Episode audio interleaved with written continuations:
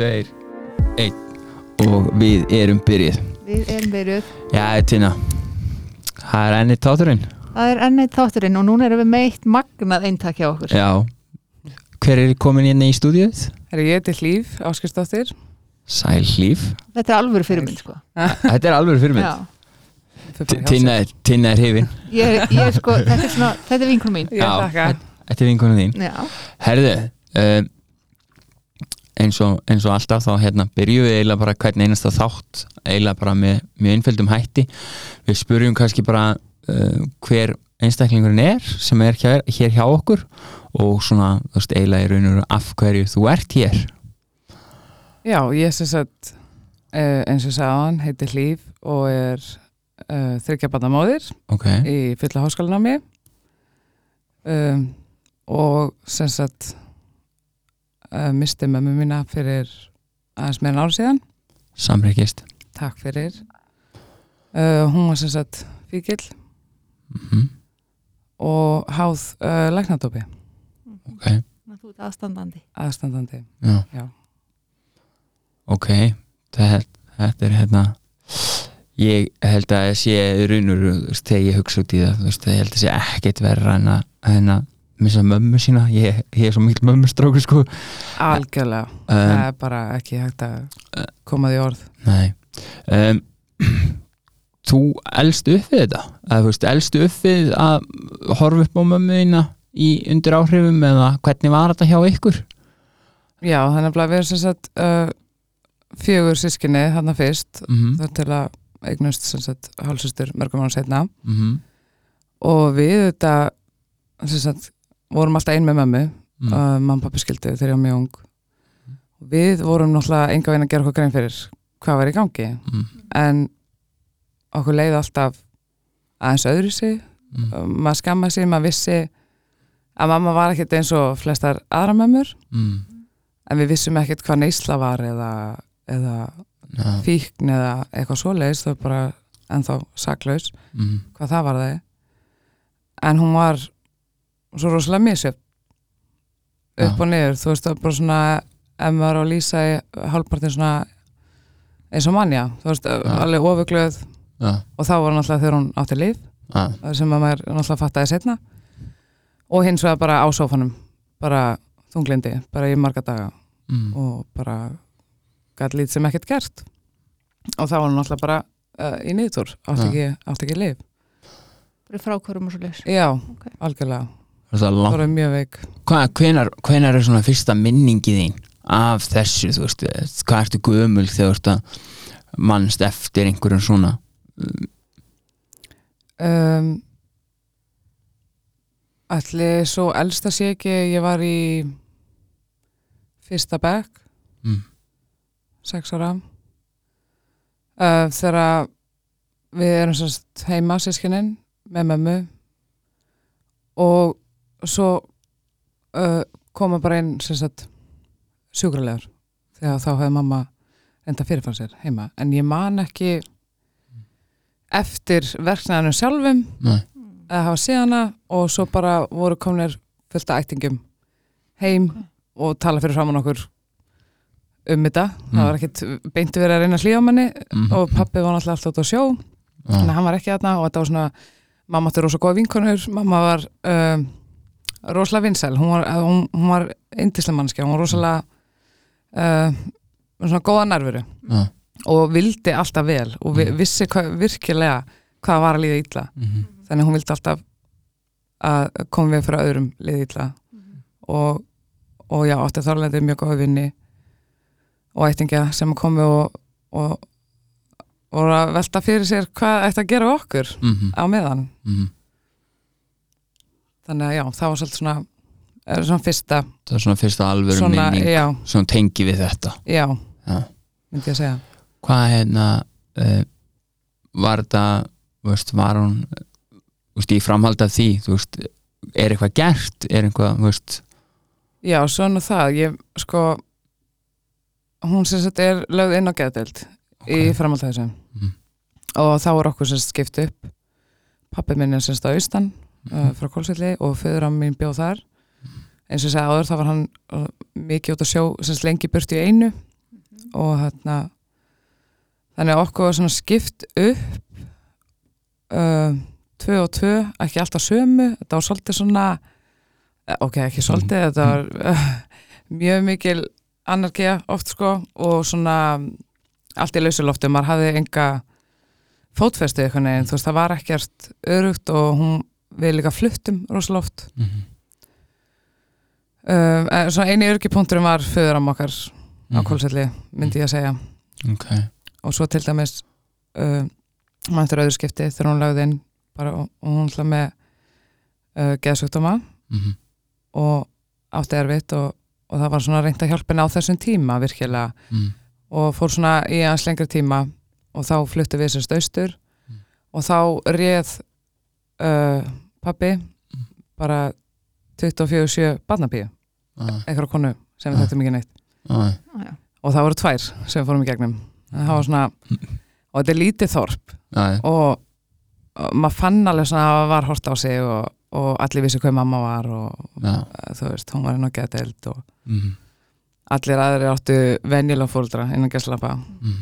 Og, og pappi náttúrulega bara út á sjó og þetta, Þetta var ekki svo til að laga það ykkur leið svona öðruvísi Nei, þvert á móti. Um, Þegar þú segir fluttu á Kolsvöll, er það að tala að þið fóru til ömmu ykkar? Eða, uh, Já, en hún var sem sagt uh, í fullri vinnu þá. Mm. og þau svona var þessi batnapía með. En mig, ég man að mér langaði að flytja bara til ömmu og skildi ekki akkur gátum það ekki. En þá sem sagt kefti pappi hús og við vorum bara þar með batnapíinu okay. Stundu fekk mér að hitta mömmu hvort sem var sem að við fórum í bæin mann að einu skipti sem fórum Mm. á spítan sem hefur þá verið getið svona, svona uh, óskir minning þannig. Ah, uh, erfið tími og allt það. En já, hann sem sagt kefti undir okkur hús Mm. og þannig fengum ekki að fara alveg til um mig Hvað þú segir, fengum á heimsækjana þú veist, voru þið í samskiptum við hana, þú veist, þegar hún var að koma inn og út af geðdeild eh, og þú veist, voruð alveg þú veist, mingu, var aldrei einhver svona kappi þar sem þið lokið eða þú veist, þið eru tekin alveg úr samskiptum eða hvernig var þessu hagað?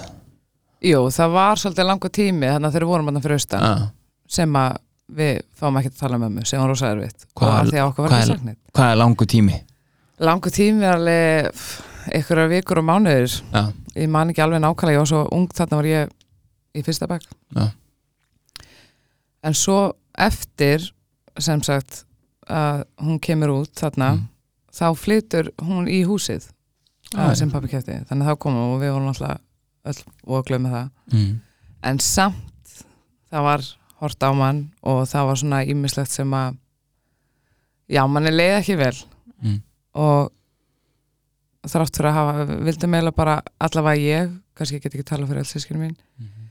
flytja í burstu, þetta var svona úaf lítið og allir ofan í allum mm, og hún var, og hún fann það líka.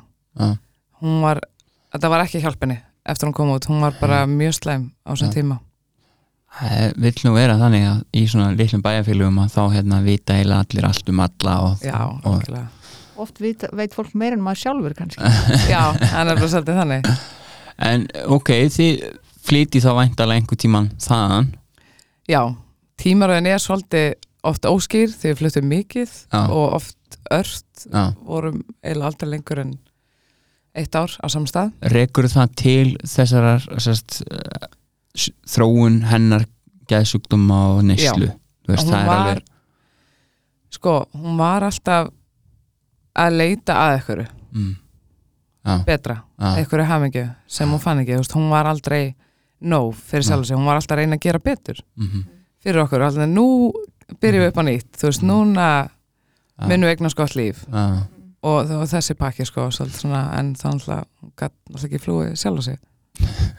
Rétt. Það er bara alltaf hausinn með sér sko. Já, maður gerir það svolítið. Og líka ef að maður gengur ekki frá lausum endum þar sem maður var Mhm. Eða ekki sátt og skilur svona eftir allt í óriðu það upp Já, það eftir mann, heldur betur. Um, hvernig hefur þetta áhrif á, á hérna, veist, eins og fyrir þig þú veist, svo verður úlingur og, og svo leiðis hefur þetta, hefur þetta áhrif á bara þitt hvernig þú sérð sjálfa þig og, og, veist, og eitthvað svona þú veist, hefur þetta einhverja djúbstæða áhrif á þig? Já, mjög mikil ok, sá það löngu setna, gerði mig kannski ekki græn fyrir þeirri varúlingur, en Nei. það var alltaf semst mikil fyrirlegur Já.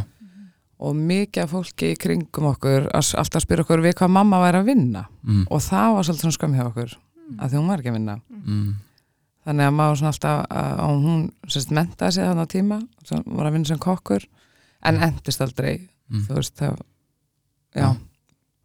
og á svona mikill fyrirleikur og ekki eins og átt að vera að okkur fannst í samanbyrju vin okkar til að mynda. Og í kjálfar sé ég líka uh, svona léleg sjálfsmynd mm, hjá sálum mér ja. mér fannst ég aldrei heldur nógu góð. Mm, fannst ég svona minna virði. Það var svona tilfinning sem eldi mann mjög Já. lengi. Mm, þó við gerum okkur þó grein fyrir því í dag. Já. Rekur það til þessa það svo fyndi sko, í minni ætt þá tölum við oft um það sko, því að í, í, minni ætt er sérst, mjög mikið af veiku fólki veist, með alkoholisma og við grínum stundum með það sko, við sem erum orðin í lægi svona, við erum af svo góðum ættum.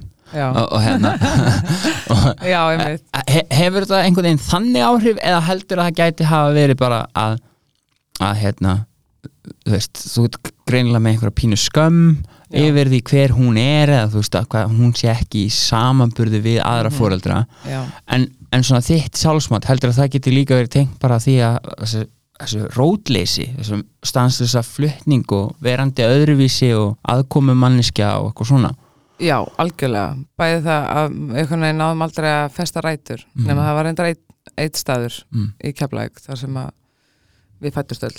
Mm, þar sem vorum í nokkur ár Mhm. þrjú, fjögur, það var alveg bara já, við tölum með mitt mikið um það og við sískin erum rosalega náin mm, og náttúrulega með svartan húmor líka, mér finnst það bara nöðsilegt mm, en já, ég er ekkert að til þess líka uh, semst, annara fullorina einstaklinga mm, sem- í kringum okkur Mm. með svona hortnauga og svip og, og Mm. ekki kannski að reyna að fela þegar þau eru að tala um hana fyrir framann okkur. Mm, svona þetta situr eftir og líka mitt rótleysið þú veist, Mhm. og aldrei neinn rútína. Mm, sem ég manna, ég er bara, fólk sem þekki mér í dag ég er bara rútína, bara í kassa sko, ég þrýfst ekki öðru sig og það er alltaf bara haldinni fyrir mig og bönni mín bara líður best hannig mm, og manna var alltaf rútína hjá ömmu, mér langar alltaf að fara þangað. Mm, og þú veist það er alltaf morgumatur hátdeismatur, kvöldmatur mm, vakna tíma, fara með bæninar þegar fórum að sofa. Mm, og svona það er svona svona örgasti punkturinn en samt langa okkur alltaf að vera með mömmu, Akkurat. Já mömmu. Þú veist, hún var alltaf bara heimurinn okkar. Já, já. og eins og þegar við vorum þarna á fagsabreytinu keflæk þannig að það sem byggur lengst Mm. var indislega tími. Og líka fyrir hana. Og, og hún hafði aldrei verið betri. Átti hún eh, svona góð tímabil sem að vörðu eitthvað?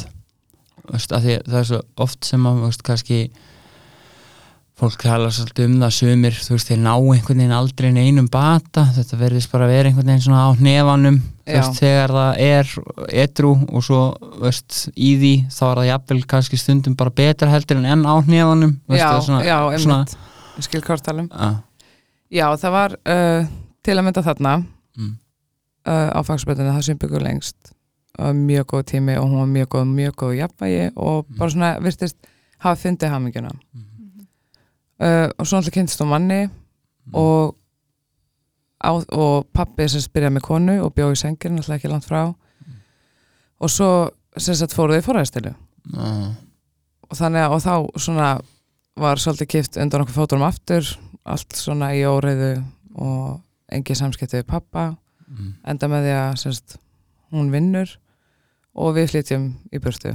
Mm, og þá svona tekum við svona sama upp og niður alls konar áföll hún saman pakkin, maður bara svona vanur þessu. Og þarna erum við ekki ennþá búin að gera okkur grein fyrir að hún sé fíkil mm, þú veist, bara hún er öðru sig, þó að þannig ég er núlingur mm, og e- eldri bróður minn. Uh, en svo nokkrum árum setna semst, hún bjó alltaf í bænum eftir hún flytti þarna. Mm, þá virkilega leitur hún sér hjálpar. Ok. Er- mann alltaf eftir því. Og þá, þá sem hún mentaði sig fór Ah. kvítabandi að, var bara markvist, markvist hjá sálfræðingum, læknum bara Mhm. með svona stórt heimi í kringu sig. Mm, og vildi virkilega reyna. En fíknin bara sko hún var ég myndi segja að hún hefði kannski frekar lokað augunum fyrir því hún væri fíkil skil. Við kent ímislegt annað. Og hún ætlaði mikið að sjúkdóma og, og allskeids vandamál og mikið kvíð og áfællastættur og hún ætlaði hendi rosalega áfællast sér bad sjálf. Mm. En hún var svona og það var það svona svo erfitt að vita líka þegar við gerum okkur grein fyrir þessu og viljum alltaf að hún leiti sér hjálpar við því Mhm. að það er afneitunin. Og það var ekki hægt að þræta við mömmu. Það var ekki hægt. Það var bara vörd.is og við gerum einmitt mikið grína því. Þegar þið vildu þá hún myndi leita sér aðstofn við fíkninni? Já, hún var ekki fíkil ég einu það er alveg svo fyndið. Þetta, er- þetta, þetta með fíknin og afnýtuna þetta Já. er alveg fólk er miklu, úst, það er frekar til í að vera bæpólar eða bara eitthvað alls konar annað sko. Sama hvað. ja, bara skemmu pillu við því og ég skal bara, ég bara, ég skal bara vera, vera það. En ég Já. er sko ekki fíkil Nei, þetta er magnað. Og það var svona náttúrulega erfiðast í þessu. Af því að maður náttúrulega getur ekki hjálpa fólki sem vill ekki hjálp. Nei, nei. Ja. og maður vildi líka aldrei að hún myndi sérst loka. Maður vildi aldrei fá hana í vörð maður, við vildum alltaf vera nálægt Mhm, og hafa hana móttakilega mhm, og vissum alveg hvað myndi gera ef maður fær að minnast á þetta. Mhm. vildi hafa hana glaða Já. Og það vera einhvers hennar. konar svona meðvirkni líka. Algjör, mjög Já. mikil. Já, mjög mikil. Kannski förum aðeins út í það. Hvað, hvernig finnst þér meðvirkni hafa svona þróast, þú veist, væntalega þú veist, eiginlega held í flestu öll börn alkoholista verða meðvirk á einhverjum tímapunkti, já, byrjaði það snemma veist, það sem hegðuna minnstrin fara að vera einhvern veginn og þá farið þið að gera einhverja hluti sem að, þú veist, mætti túlka eftir og liti sem meðvirkni? Já. Já, bara, uh, já, þetta er bara saga lífsmís, það er bara, ég þekki ekkert annað. Það var alltaf ímest þetta einhver svona félleikur Mhm. vissinlega illa og til að mynda, þú veist, eins og segið, hún vildi alltaf hjálpa, hún vildi aldrei að neitt myndi finna til og hún var líka með líkala sjúkdóma, Mhm. rosalega mikla gikt og Mhm. bara svona léli í skroknum mm og bara vann rosalega mikið á yngri árum. -hmm. og var alltaf svona hraust en bara svona einhvern veginn fór fram úr sér og átti lítið eftir. Og hérna hann er alltaf ef maður fann eitthvað smá til Mm þá kom hún færandi hendi með lif, -hmm. verkeflif eða einhver, lif af einhver tæði til þess að lína þjónugamanns Já, það var saman hvort það var bara smá höfverkur eða túrverkir eða... já, en við kunnum aldrei við að taka þau. Því sískinin þá. Við sískinin Mhm. eða allavega ekki ég og sýsti mín svona við erum búin að ræða þetta. Já. en það er eitthvað svona í undirmeðutundinni sem að gera verkum að við geymdum þau alltaf þannig að tókuðu ekki. Tókum þau ekki Nei. en sögum henni höfum gert það því að Nei. hún vildi að myndi gera það því að Nei. hún var að reyna að hjálpa þetta var henni að leita þess að hjálpa. Já, þetta var sem hjálpaði henni, linaði hennar uh, þjónakar og, og svo alltaf þegar mamma datt niður sem maður alltaf átti að sagði setna voru frákvörf þegar Mhm. hún bara lág á sófónu leið ríkalítla og oft bara líkamlega náttúrulega frákvörf líka þá átti maður fyllt að lífjum þetta er ótrúlega sérstætt að því að við vorum ekki búin að gera okkur grein fyrir að hún væri fíkil já. eða þú veist, ekki fyrir en löngu setna magnað. Já, skrítið. Hvað hérna, ok. Þetta er þegar þið eru ungar. Eru já, þetta er ég orðin úlingur ólingur, já, já, ok. Sýsti minn frekar ung, já. Já. vil samt ekki taka. Nei. að framlýða stundir, hvernig þróast þessi meðvirkni? Þróast hún einhvern veginn eða? Um, já, svo fer maður kannski að gera sér meira græn fyrir þessu mm en samt, þá mér líður eins og ég sé vitlaust þegar ég segi þú veist að ég gef bara ótrúlega seint gerði mig græn fyrir því. Já, og þá kannski aðri einstakleikar kringum mig farnir að segja það mhm, en lengst af var hann alltaf bara í félag og varð hana bara fram í reyðan döðan mhm, það var alltaf bara mamma og ég vildi ekki uh, að neitt myndi finna meiri högstæðinu og ég held að sitja eftir hérna frá því vorum á kólsellið þegar fólk talaði óspart um hana. Mhm, en þá fór það að vera þannig að maður fór að hjálpunni mhm, að fá Ja. leif. Já, og akkurat. Svona miklu verri meðvirkni að því að maður og annars leið mann ekki vel fyrir en að hún var búin að fá. Mhm. þannig að henni leið vel. Finnst þér erfitt að segja það já mjög, já, Já. ég sé það á þér. Já, já, en, en ég get alveg lofa þér því að þetta er sko þetta er svo algengt sko. Þetta er ekki, veist, þetta er, þetta er ekki bara þú eða þín fjölskylda. Þetta er eiginlega bara normi sko. Og hérna, og það er bara svo fyndi sko, það, það er svo gott að einhver segi það uppátt, að því að Já. hlustendur okkar eru eflust líka þú veist, maður finnur oft þegar maður eftir á, þegar maður veit betur og mann finnst eins og maður hefði átt að vita betur. Já, en Einmitt. ef maður hefði vita betur in the moment, skilur hefði maður þá ekki gert það? Veist, hefði maður þá ekki allan að reynda að gera það akkurat. Samt sem áður. Það er, bara, það er bara orðið þannig. Mm, og það er bara allir saman, já bara nú verður það að redda sig mm skilur Akkurat. bara sama hvað. -hmm. og eins og síðust árin voru alltaf bara hræðileg fyrir hana. Hún Mhm. bara þjáist bara daglega og hún búin að byggja upp svo rosalega mikið þól fyrir livjum Mhm. og ótrúlegt magn sem hún var að fá frá læknum. Þetta bara, voru læknar bara að skrifa á hana bara alveg, já, bara hægri vinstri. hægri vinstri? Bara ótrúlegt magn og af þvílíkt sterkum hún var að fá morfín mm. tvær tegundir Já. uh, fullt af bensó alveg bara uh, sem sagt róandi og bara fyrir utan verkefliðin sem eru sem sagt lífsæðiskild uh, það bara hún var að taka stundum eitt, tvö spjald fyrir framann bara þegar hún var búin að sækja. Og líka í einu? Í, í einu sem að er bara dauðaskamti til dæmis fyrir mig. Já. já, já. þúli voru það mikið. En hún var ekki hún var í því að gleipið allt. Já. hún fór ekki í neitt annað. Nei. Nei. akkurat. Það var bara þetta, það er alltaf gríðarlega erfitt fyrir meldingakerfið að- að vinna úr. Rosalega. Hún fekk sko blæðandi magasár svona 23 ára. Akkurat. Mjög ung, Já. já okay. og hún veit alveg að fengi lifið því. Já. Og þá ef þegar maður hugsa tilbaka var hún 23 já, hún var alltaf mjög ung með fjöguböð Já. einstæð, hvað, 24, 5 Já. Ung þegar hann átt okkur og hann bara svona, já, næri þetta virkilega svona langt aftur. Mm. Nákvæmlega. Skrítið að hugsa til þess hvað, þegar segir hún hafi þjáðst mikið var líkamlegt ástand hennar og sjúkdómanir sem hún var að díla við voru þeir svona aggressífir eða, eða var þetta orðið þannig að aukaverkaninnar af livjónum voru farin að gera svona slæma hluti eða ég myndi segja að stæstur hlutum væri aukaverkanar að lifunum, Já. svona svolítið svona sjálfskapaviti ja. af því, Mhm. bara eftir mikla neyslu og langan tíma. Mhm.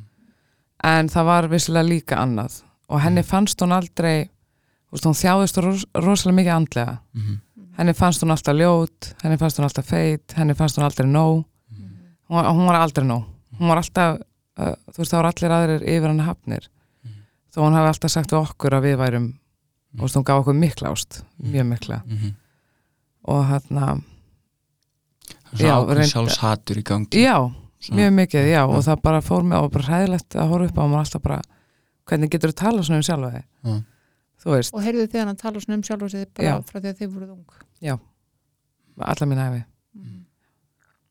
og trúðu þið þá þegar hún var að segja við ykkur að þið varuð nó Uh, nei, ég held nefnilega að ég hafi ekki alveg tekið inn það geti, geti kannski spilað svo inn í hérna brotna sjálfsmynd já, já. mm. af því að, að ég sá hún var að meina það Mm hefur virkilega og hún, var að, já, og hún var rosalega stolt af okkur mm -hmm. bara saman hvað ég gerum, við vorum bara líf hennar Mm.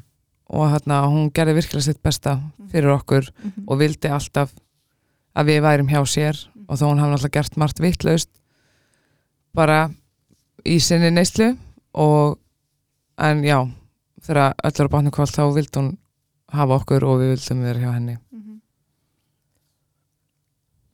En Hva- þegar þú orðin aðeins eldri þá hérna ferðu að vera með einhverjum sem er líka með fíknisjúkdóm eða ekki, já, alkoholista. Alkoholista. Já það var einmitt, ég ætlaði náttúrulega að bjarga honum. Að sjálfsögðu, hvernig gekk? Já, það hérna uh, því miður uh, þá lést hann þreymur mánum eftir mömmu. Ok, samhryggist. Takk fyrir. Og það, þetta var svona þá ætlaði ég einhvern veginn að bæta upp fyrir að þá var þetta orðið mjög slæmt hjá mömmu.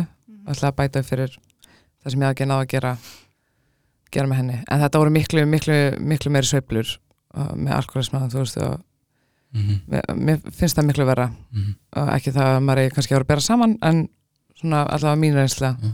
að því mamma er alltaf svo róleg mhm, já, og þú veist, ég minn alltaf hræðilt að horfa upp á hann að fara veika mhm. en hann var meiri svona já, hann var mjög litrikur Já. En það er náttúrulega uh, já, það er í raun og rosa erfitt að bera saman fólk já, algjörlega í, í svona en, en hérna það er rosa fyndið, eða fyndið það er í raun og spes hvað það er ótrúlega algengt að, að hérna, börn alkoholista þau fara oft í, í, á fullorðins árum já, og finna þessi svona fullorðins alkoholista og ætla að fara að, að bjarga þeim þú veist, ætla að, svona, að, að fara að taka veist, og endur taka hérna sagt, bara svona einhvern veginn ákveðina hluti og reyna að gera það einhvern veginn betur og eitthvað svona já, einmitt, nákvæmlega. Þetta er mjög áhugavert. Það er það sko. En þegar þú segir frá því þú að þú, þú, þú verðist svona vera svona þó nokkuð svona um, búin að vinna einhvern veginn úr þú veist, þú getur sagt þetta svona bara án þess að það sé svona eitthvað geggjastlega erfitt. Já, uh, hefur verið að vinna mikið með þetta? Uh, sko, það sem að hefur einhvern veginn hjálpa mér Mm. eru sískin mín Mhm. og þeim myndi segja sama við erum svona unni úr þessu saman mm -hmm. alltaf er rosa samstíða og mamma og pappi og amma gerði mitt grín okkur það var aldrei hægt að skamma eitt okkar því að við stóðum alltaf vel saman og Ok. bara a- alveg sama hvað átundi og þegar ég horfði tilbaka þá var mamma alltaf að brína fyrir okkur að við hefðum bara hvort annað mm. Að við þurftum að, að hugsa vel um hvert annað að vinir kemur færu, kærastar og kærastur en sískina væri alltaf Mm. og líka skrítið að hún sagði alla tíð bara frá því mann eftir mér að hún myndi aldrei verða 50 Mm. og hún er 47 ára þegar hún dó Mm. og en við náttúrulega tókum ekkert marka því Nei, nei. Bara en við höfum í gegnum þetta bara haft svartan húmor Mm. mamma hafði mikið svartan húmor og mjög góðan húmor og Mhm. mjög skemmtileg og ég hef líka náttúrulega verið hjá Salfrangi og sískinu mín líka Mm. en ekkert samt að eitthvað ráði við höfum Nei. bara haft hvort annað eða hvert annað og svona náði gegnum það líka þannig gert okkur grein fyrir þessu Mm.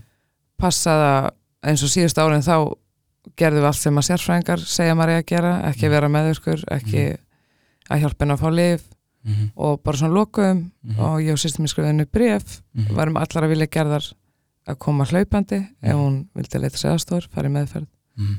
en við getum ekki hort upp á hana að gera sérfræðis þetta Mm. lengur Mm. Það er bara alltaf erfitt og við gerum það Mm. þannig ég var ekki sambandi við hana þegar hún dó Nei, þannig að hver, löngu áður er það? Um það byrja ári, Ja. Var það erfitt? já mjög mjög erfitt en líka svo erfitt að lýsa þessu að eiga, þú veist þetta er mamma manns Mm. en eins og síðustu árin þá var maður án svo þreyttur Mm. á að eiga svona veika mömmu og Mhm. maður verður svona einhvern veginn ónæmari fyrir þrátt fyrir að ég var að tala um bróðum minn og heyrði hana Mm. í frákvörum sem hræðilegt Mm. hana, í, á bakveðan í símanum bara getur að hjálpa okkur þetta eitthvað Mhm. bara alveg lokuð bara nei, Mhm. þurfti bara að loka Mhm. Ma- já, maður er orðin svolítið þreyttur á því einhvern veginn, ég veit ekki hvort það sé kannski rétt orðið en kannski svona smá ónæmi komið Mm. og svona reyna að vera uh, að standa sig í lífinu og reyna að láta ekki hafa áhrif á sig Mm. af því að það, það gerir það þú veist við svona Algjörlega. smá lokuðum Mm. af því að þegar maður var í sambandi Mhm. við hana þá var maður alltaf með kvíða Mm. mann leiði alltaf illa maður var með kvíða fyrir hennar hönd, maður fann hennar kvíða Mm. uh, vanlíðan og ef maður lokaði þá gætt maður svona losnað undan því Mm. og svona fann betra jafnvægi Mm. Var það erfið ákvörðun í þegar þessi ákvörðun var tekin að loka? hún var erfið en löngu tímabær við vorum alveg tilbúnar Okay. Voru og vissum að tvær. vorum að gera það þá vorum við tvær í og sýstu mín Okay. hinn gáttuð ekki Mhm. við ætla uh, semst bræður okkar voru í sambandi en við samt alltaf samt sem áður stóðum alls saman í Mm. öllu en þeir gáttu ekki lokað Mm. voru til staðar Mhm. og hérna en við vorum samt alltaf öll sískinni sambandi, það er aldrei aldrei neitt geta stíða okkur sundur og, og þannig fenguðu þetta fréttir af henni við sýstunar Mhm. en sögðum samt oft bara að við vildum ekki við svona fjarlæðum okkur Mhm.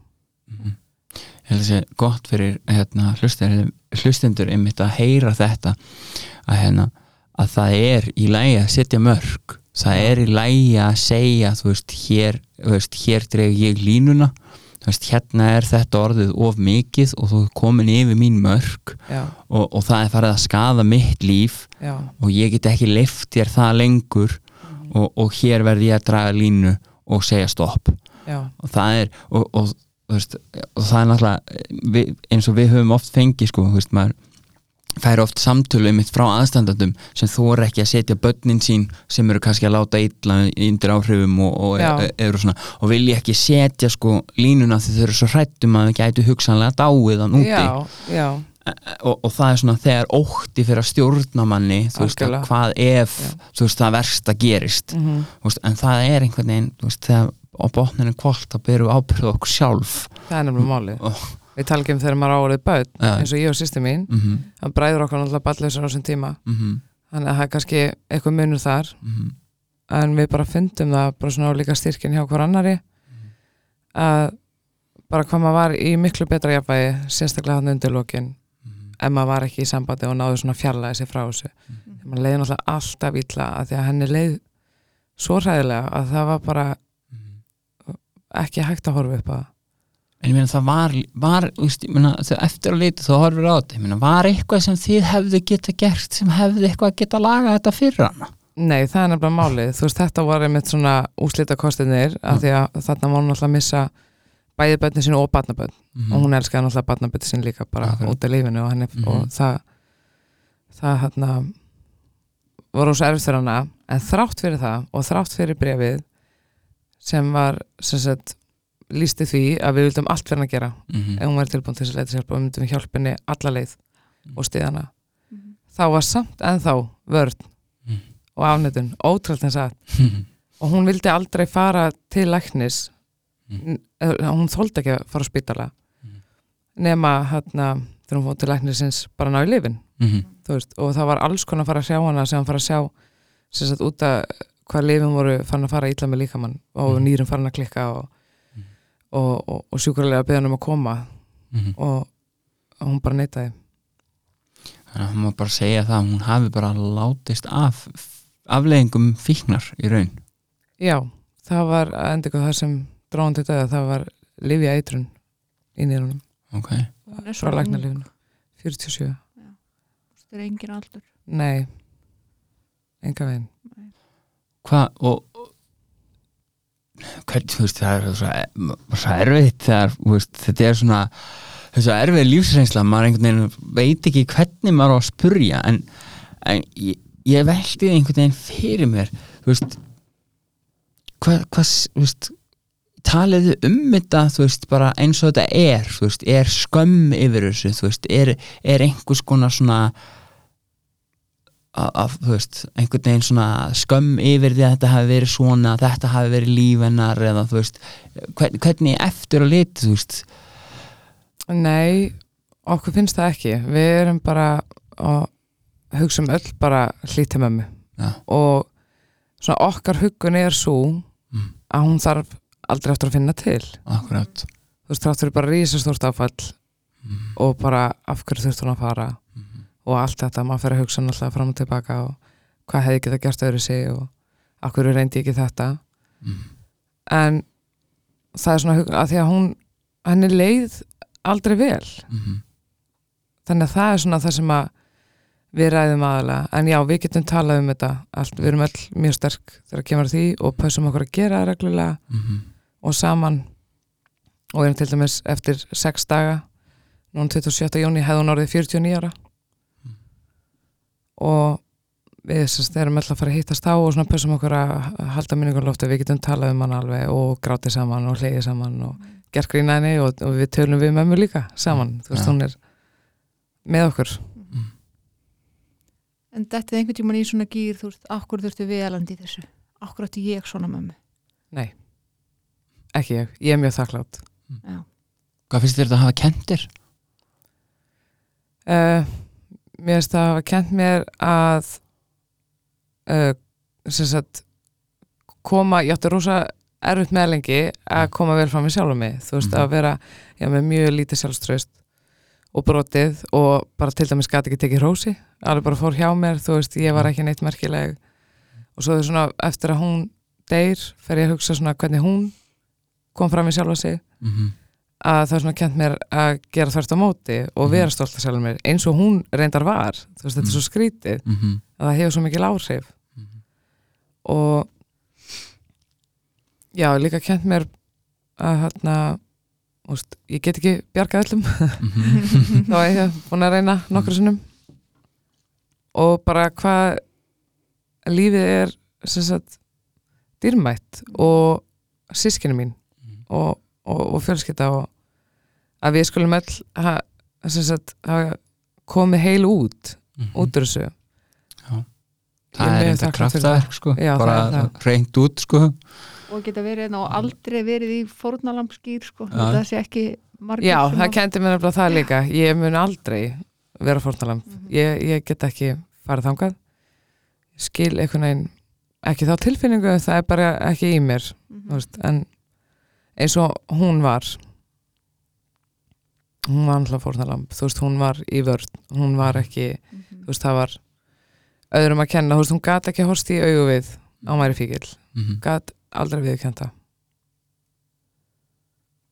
svolítið meira svona auðmikið ég frekar en að já, halda áfram. Já, ég held að það það sé sem hún lendi í og ég held að það sé samt bara svona einkennandi fyrir samt fólk sem þróum með þessi fík ég held að það sé ekkit, ég held að það sé bara ekkit einbundi við einhver eina mannski ég held að það sé, held að það sé bara já ég held að það sé bara einkenni af veist, þessu, því sem gerist þegar fólk þróa með þessi fíkt sko. það svona, það færi svona ástæði til þess að nota að því að einhver gerði eitthvað á sem já, hlut. og ég meina ef einhver hundur dó ég meina það er ekki einu svona að vera þinn hundur Nei. ef hann dó fyrir 20 árum síðan meina, þá þarfstu bara að nota út á það sko. Já, rigning úti já, akkurat, sama Eða sól. það er bara ef það er eitthvað sko. Það er að allt nota hægt að finna ástæð, já, Já. nákvæmlega. Þetta hlýtur samt að hafa uh, veist, að, því sko maður, maður hugsaði þetta svo mikið sko, þetta hlýtur að hafa svona áhrif á bara þú veist bara hvernig mörg og bara allt svona þú veist, hefur ekki þurft svolítið svona horfast í augu við þú veist að, að hérna einmitt fyrirmyndin sem þú hefur haft hefur kannski ekki verið að sína eins og þetta á að vera kannski síndi hvernig þetta á ekki að vera? Já, ég er uh, mjög ákveðin og get meira þess að kannski verið of Já. ef eitthvað segir eitthvað villast Já. til dæmis við bönnum mín Já. eða mig Já. að svona passa að það fari ekki yfir Mhm. þú veist, ég er samt rosalega umbrölind og tilsum og þólimóð, mamma kendi mig það þú veist, ég þurfti að bara vera það í gegnum tíðina Mhm. en já, ég svona mun aldrei aftur vera meðvirk Mhm. Það er það sem að ég, það er bara alveg pottet, það er gott markmið. Já. Það er mjög gott já, já, ég held að það er rosalega erfitt að vera meðvirkur aðstandandi. Maður er bara í sama ólgu sjó einhvern veginn, sjálfur að reyna að retta þannig að einstaklinginu líði vel bara um stundarsakir bara endast og maður veit samt að verði verra eftir á og þá þarf maður að retta meira og Það er endalus vítarhinga er rosalega þreytandi. Það er eitt, eitt persónu einkinni sem að mér, það, það var skotið að í hérna í einum þættinu sem við tókum upp. Það var einhver lækni sem sagði það að öll börn alkoholista væri stjórnsum Mástu það, mamma sagði þetta mamma mín er sérst barn alkoholista og hún, Já, og hún fór í mikla fílu út í læknin sem sagði það að öll börn alkoholista væri stjórnsum og stjórn sem er eitt enginni meðvirkni Já Kannstu Já. það? um, Já, svona Sástu, sástu hvað. Nú er ég komin í vörn Já, sko ég hérna ég vildi alltaf hafa mikla reglur og rútinu til dæmis þeirra bad og ef að krakkandi koma saman í hverfinu í ykkur leik þá var ég bara Monika hérna að gæla bara reglur eru skemmtlegar þið verða að fara eftir þeim. Og svona ég sá sá alltaf um að ræði í liðin og svona hvernig allt átt að vera. Þannig að já, ég fekk alveg að heyra það. Já, þá nokkur sinnum. En ég er svona búin að horfa stíða við núna Aha, og læra því, nú Ok. er ég mikill leikmaður. Já. Það sé sjálf svo það þarf sko ekki að vera neikvægt sko. Nei, nei. Nei, ekki stjórn sem er samt bara svo veist, þegar maður veist, elst upp við aðstæður þar sem að maður er vannmáttugur maður er vannmáttugur gagvart líðan foreldris eða aðstæðum eða hvar maður býr eða hvar það er veist, mm hvað, hvernig allt er að gera. Algjörlega. Að þá eðli, það held ég að sé bara eðlislægt að maður þrói með sér að stjórna og stýra því sem maður getur stjórnað og stýrt algjörlega, já, og ég held að það sé bara einhvern veginn tengi mikið við það. Já, Já. bara ég held að sé bara aflegging af, af því að vera í umhverfi. Það sem er bara stjórnleysi. Sem, það sem að stjórnleysi er rótleysi Mhm. er, er stór partur af því. Að þá náttúrulega eðlilega þá getur maður fundið sér einhver komfort í því. Að ég meina ég get allan að stýrt þessu. Ég ætla þá að Já. gera það já, þú veist. Já, algjörlega, nákvæmlega. Og hvort sem það sé leikur út, út á róló Já. eða ekki, þú veist. En, en, maður finnur, þú veist já, en það er eins og með rútinu hjá mér Já. og bötunum mínu og það er bara svo fyndið eins og þegar eftir jólafrí og svona að maður hitti vinn og allir ó, ég er að byrja aftur í rútinu og ég bara, hvað, hvað? Ég, ég er aldrei búin að missa hana. Því ég held henni alltaf, Mhm. hún verður að vera. Mhm. það er bara, þú veist, það er ekki það að ég kunni ekki að slaka á í fríum eða eitthvað, skilur en bara að hafa hana með. Myndur þú segja að gæti verið þráhugi kent stundum? Já, Já. ég veit ekki það. Það getur alveg eflaust, kannski fólki kringum mig hefur mestar ágjör að ég gera of mikið Nei. ég, þarf, ég þrýst best ef ég hef mikið að gera ég Er- þarf uh, krefjandi Er það til þess að sanna þig á sért nóg? já, líka hluti á því gerir á þeirri og ég ætla að gera það þá mér Já. finnist alveg þá, Já, já. ég gerir mér alveg grein fyrir þessu ótrúlega fyndi Mm. að þú veist, ég þarf að sanna það Já. fyrir sjálfur þér fyrir sjálfur mér og fyrir öðrum Mhm. Já, samt fyrir sjálfur mér núna Já. Já. En viltu segja okkur aðeins frá því þegar þú fórst í, í samband með alkoholista? Svona ef þú skoðar það eftir á. Já, við sem sagt um, hún var ekki búin að vera lengi saman þegar ég verð ófrísk og það er sem sagt mikil áfalla saga í hans fjölskyldu Ertu ung hana? ég er 22 og hann sem sagt ótrúlega ótrúlegt en satt þá gerði ég mér ekki grein fyrir að hann var í fíkil Nei. Þú veist, ég bara skrítið að segja þetta ég var ennþá svona saklaus hvað það var það eitthvað neginn og hérna Alkoholistar eru samt líka bara tr- ótrúlega góðir að fela það ef þeir ætla sér að fela það Já, sko. mjög svo, mjög svo og þetta var svona sumatími og maður var alltaf að djama og svona byrja að hittast og helgar og eitthvað útiháttir og eitthvað. Mhm. það var bara svona, að ég er einn áreittari og ég er alveg glær þú veist bara, loka á það. En svo verði ég sérst ófrisk uh, fljótlega. Og byrja þá náttúrulega að sjá þetta betur. Mhm. og en sérst áfalla sagðan svo hann sko átti yndislega fóldra mm Mhm. bara englar í mannsmynd uh, mamma og pappi og þau sérst hefði mist tvö börn Mm. áður. Mm. og hann og átt svo hann og einn annan í heild. Og ég hætti með honum þegar ég var frisk því að ég náttúrulega vildi mína rútinu og, Mhm. og ekki svona lífverðni uh, þegar ég fór svona að segja það betur og hann var svona hættur að fjalla. Uh, og var þá sérst bara ein. Uh, en fekk einmitt mikið frá fólki í kringum okkur sem þekkti mig og hann, vinir að ég ætti að fara í fóstureyingu Mhm.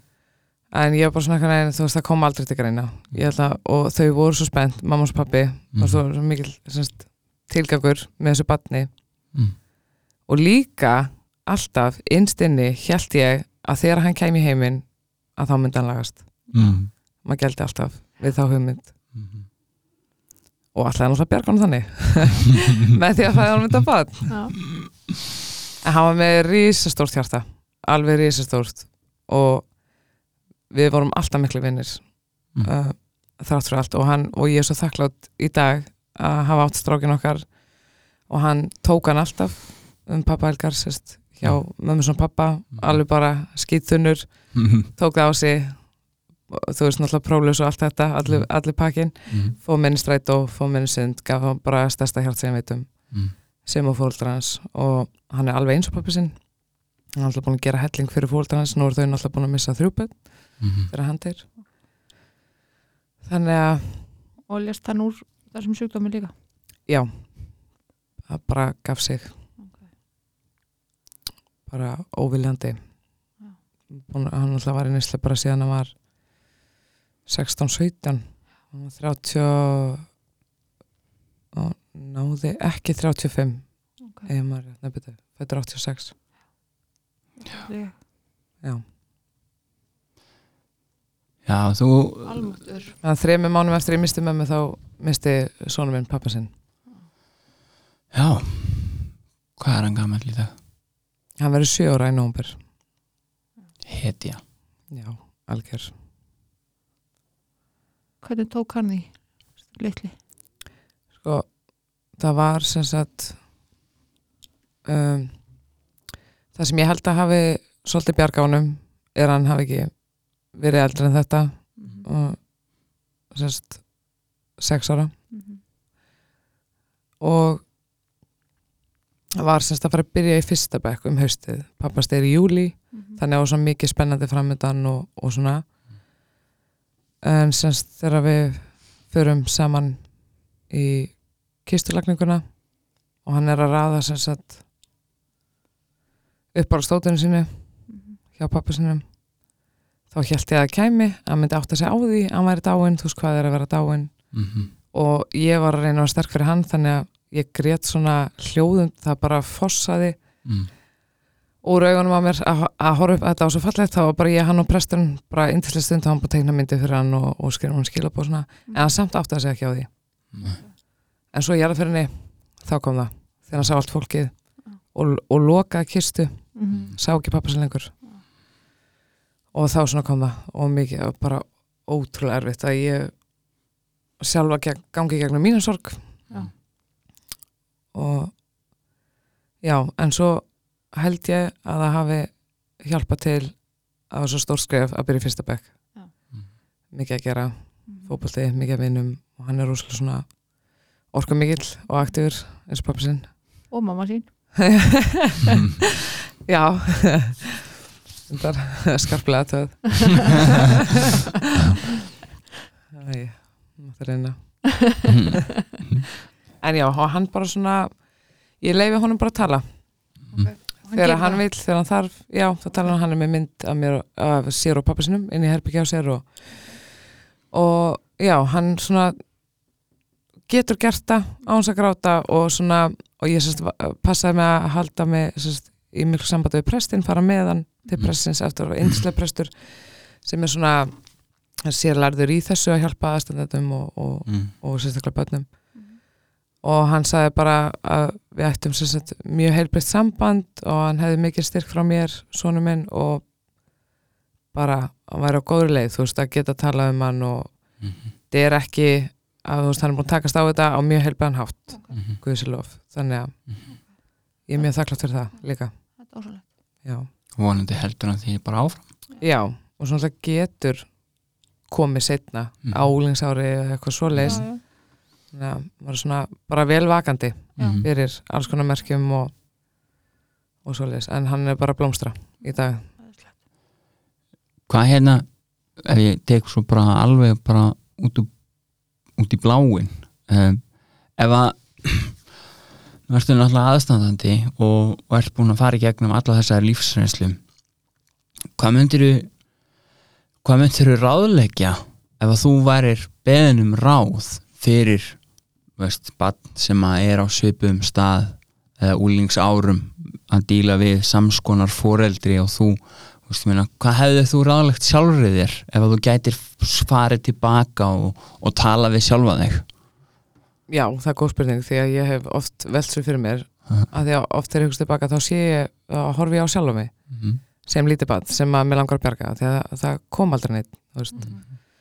það var uh, þrátt fyrir allt Mhm. skilur við en það sem að ég myndi ráðleggja er að tala við eitthvað Mhm. annan fullorinn þegar við vorum alltaf í fjöluleik -hmm. og meðvirk Mhm. að vissi ekki allir Mhm.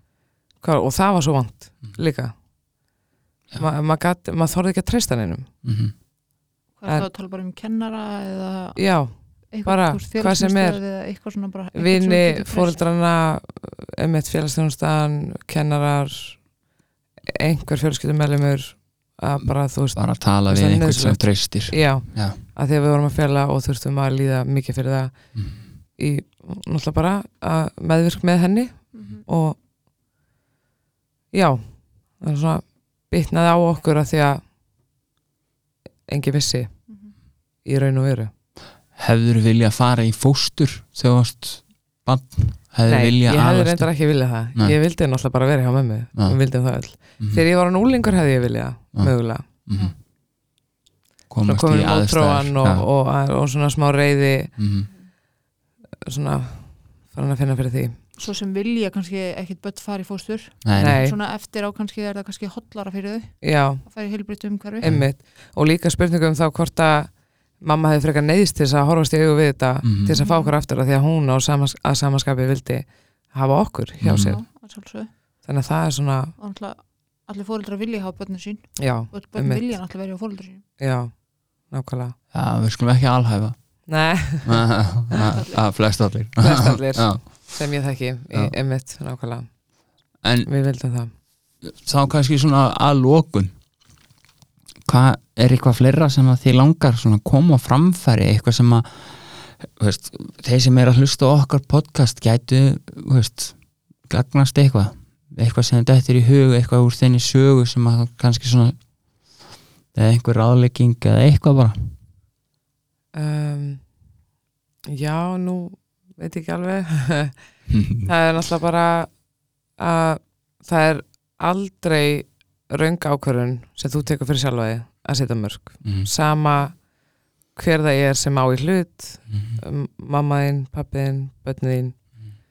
Þú veist, maður verður bara þegar að því kemur þú veist, no and no þetta er farið að, að sérst hámanni sjálfum mhm, og jáfnvel börnunum hans að setja mörg Þetta já, setja sjálf sér fyrst seti nummer 1, 2 og 3 og líka að fortíðin þú veist, hún mun ekki merkja þig um Mhm. ókvæmum tíð, þú getur orðið það sem þú vilt. Mhm, þú getur gert það sem þú vilt, þú veist, þú getur látið draumana rætast en þú verður að gera það sjálfur. Mhm, það er enginn að fara að gera það fyrir því mhm, og ég mæli með því mhm, fyrir að því ég held alltaf að ég get ekki lært. Mhm. Akkurri? af því að ég fekk enga hjálp við heimalærdum heima Mhm, og átti alltaf erfitt til að mynda með starfræði sem alltaf stór hluti á náminu. Mhm, og bara einhvern veginn ég held að sé líka að með þessa minnum átt að kend og brotni sjálfsmynd að það bara svona hérst allt í hendur. Og ég gæti ekki að hvernig átti ég að geta það ef að ég var ekki nóg góð mhm, fyrir neitt annað. Mhm. en svo núna er ég að fara sérst, klára þriði árið í íslenskennanum í ámentavistasviði núna í haust. Sælir. Já, að taka þetta bara allt mjög hratt af því að Mm. ég þrýst best hannig það þarf að vera helst krafjandi Mhm, og þetta gefur manni ótrúlega mikið. Mm. bara fyrir þá sem að ef einhver Mm. er með sömu hugsanir í Mm. sömu sporum mhm, hefur liðið þannig. Og það tekur þetta engi frá manni. Mhm. einhvern sem að fær og bara árangurinn. Þannig að það hefur hjálpt mér rosa mikið Mhm, líka með sjálfsmyndina, Mhm. námið. Að þetta er bara svona algjörlega einstaklingsins. Nákvæmlega. Það er ekki rétt hjá mér að svona í gegnum þína sögu og ykkar sískina að þá svona töpuðu þið oft voninni? Jú, að það er hægt að sækja hann aftur? Já, það er hægt að komast í gegnum ymsar hindranir já, það er hægt. Algjörlega. Sem betur fer. En jú, maður tapaði henni mjög oft. Ég er að spyrja einu. Það er ótrúlega algengt að hérna að maður sæki, þegar maður er með minnum átt að kend og þegar maður er með veist, lítið sjálfstyrist að þá uh, fer maður að sækja í samþyggi og, og hérna, viðurkenningu Já. og oft gerir maður það í heinu kyninu og, og, og eða, eða einhver staðar annar staðar og þá er mitt eins og í engunum eða eitthvað Hefur það verið svona eitthvað í gegnum tíðina hjá þér? Þú veist að þú hefur sótt þá bara viðurkenningu einhver starf annar staðar ef þú hefur ekki viðurkent sjálfa þig. Já, ég hef fyndið það. Að svona lengst framan af var ég mjög undirgefin. Mm -hmm. vildi bara þóknast. Mhm, saman hver átti hluti eiginlega. Mhm, það var bara, stóð aldrei upp fyrir sjálfur mér. Mhm, og bara svona lúfaði alltaf. Mhm. og Það lítur að vera frekar pyrrandi já, getur verið það. Og líka bara einhvern veginn að býta alltaf í tungur á sér þó sér það ósamanlega, bara sitja á sér bara, bara þannig aðri Shit, þess að fá samþyggi og já, já, og ég vá, hvað, ég þekki það mjög vel. Shit. En það var ekki lengur við. Æja, gott. Já, já, og það er einmitt líka ráð til allra að maður á að gera það nummer 1 og 3, það gera engin annar fyrir mann Nei, Nákvæmlega nema fólk sem er undirgefið sem segir bara ekki já, neitt. Ég skal gera það fyrir ykkur það, er, það fólk er ekki að standa með hann. Nei, nei, nei, nei, nei, nei. nei, Ég segi svona. Já, já uh, Er þetta ekki bara gott eða? Tina, vilt þú segja eitthvað? Ég er svo skemmtilega spurningar. Ég, ég fæ að koma með svona algjörlega óundibúna Já, spurningar fyrir fólk stillinu hugveg Já. Hvað segir Tina? Mjög góð svo upp í vegg bara. Já. Það ertu mjög góð upp við vegg. Það er komin bara að gals loka í fólk. Það komin gals í fólk. Nei, ég held að ég sé bara góð sko. Mér veist hún hlýf bara svo geggjur sko. Já, hún er það, algjörlega. Finnst það, sko. Og bara, þú Við erum margir með því taka hann til fyrirmyndar. Æ, nú fer ég hjá mér.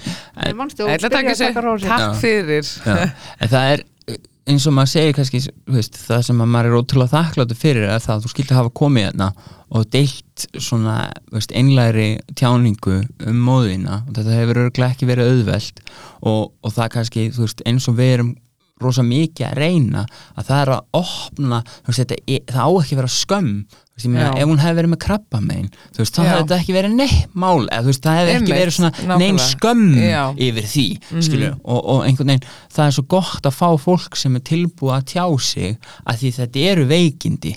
Og þetta er ekki, hún valdi ekki að vera svona veist, hún var ekki viljandi að reyna að vera veist, óhæf veist, hún varð óhæf að því hún var veik. Já, og, og það er einhvern veginn svona máli með podcastið og allt sem við erum að gera við erum að vinna gegn því að það sé skömm yfir þessu.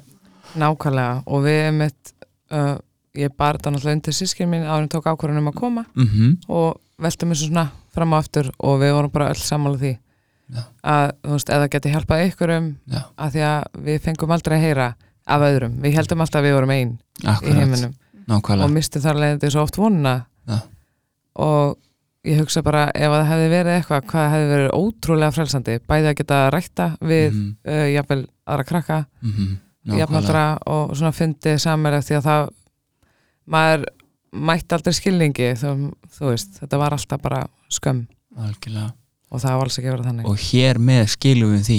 Já, skilum skömminni. Já, það er ekki? Það jú, að sjálfsög herði, eru þú það ekki bara góð? Takk fyrir að koma. Takk fyrir að koma. Fyrir mig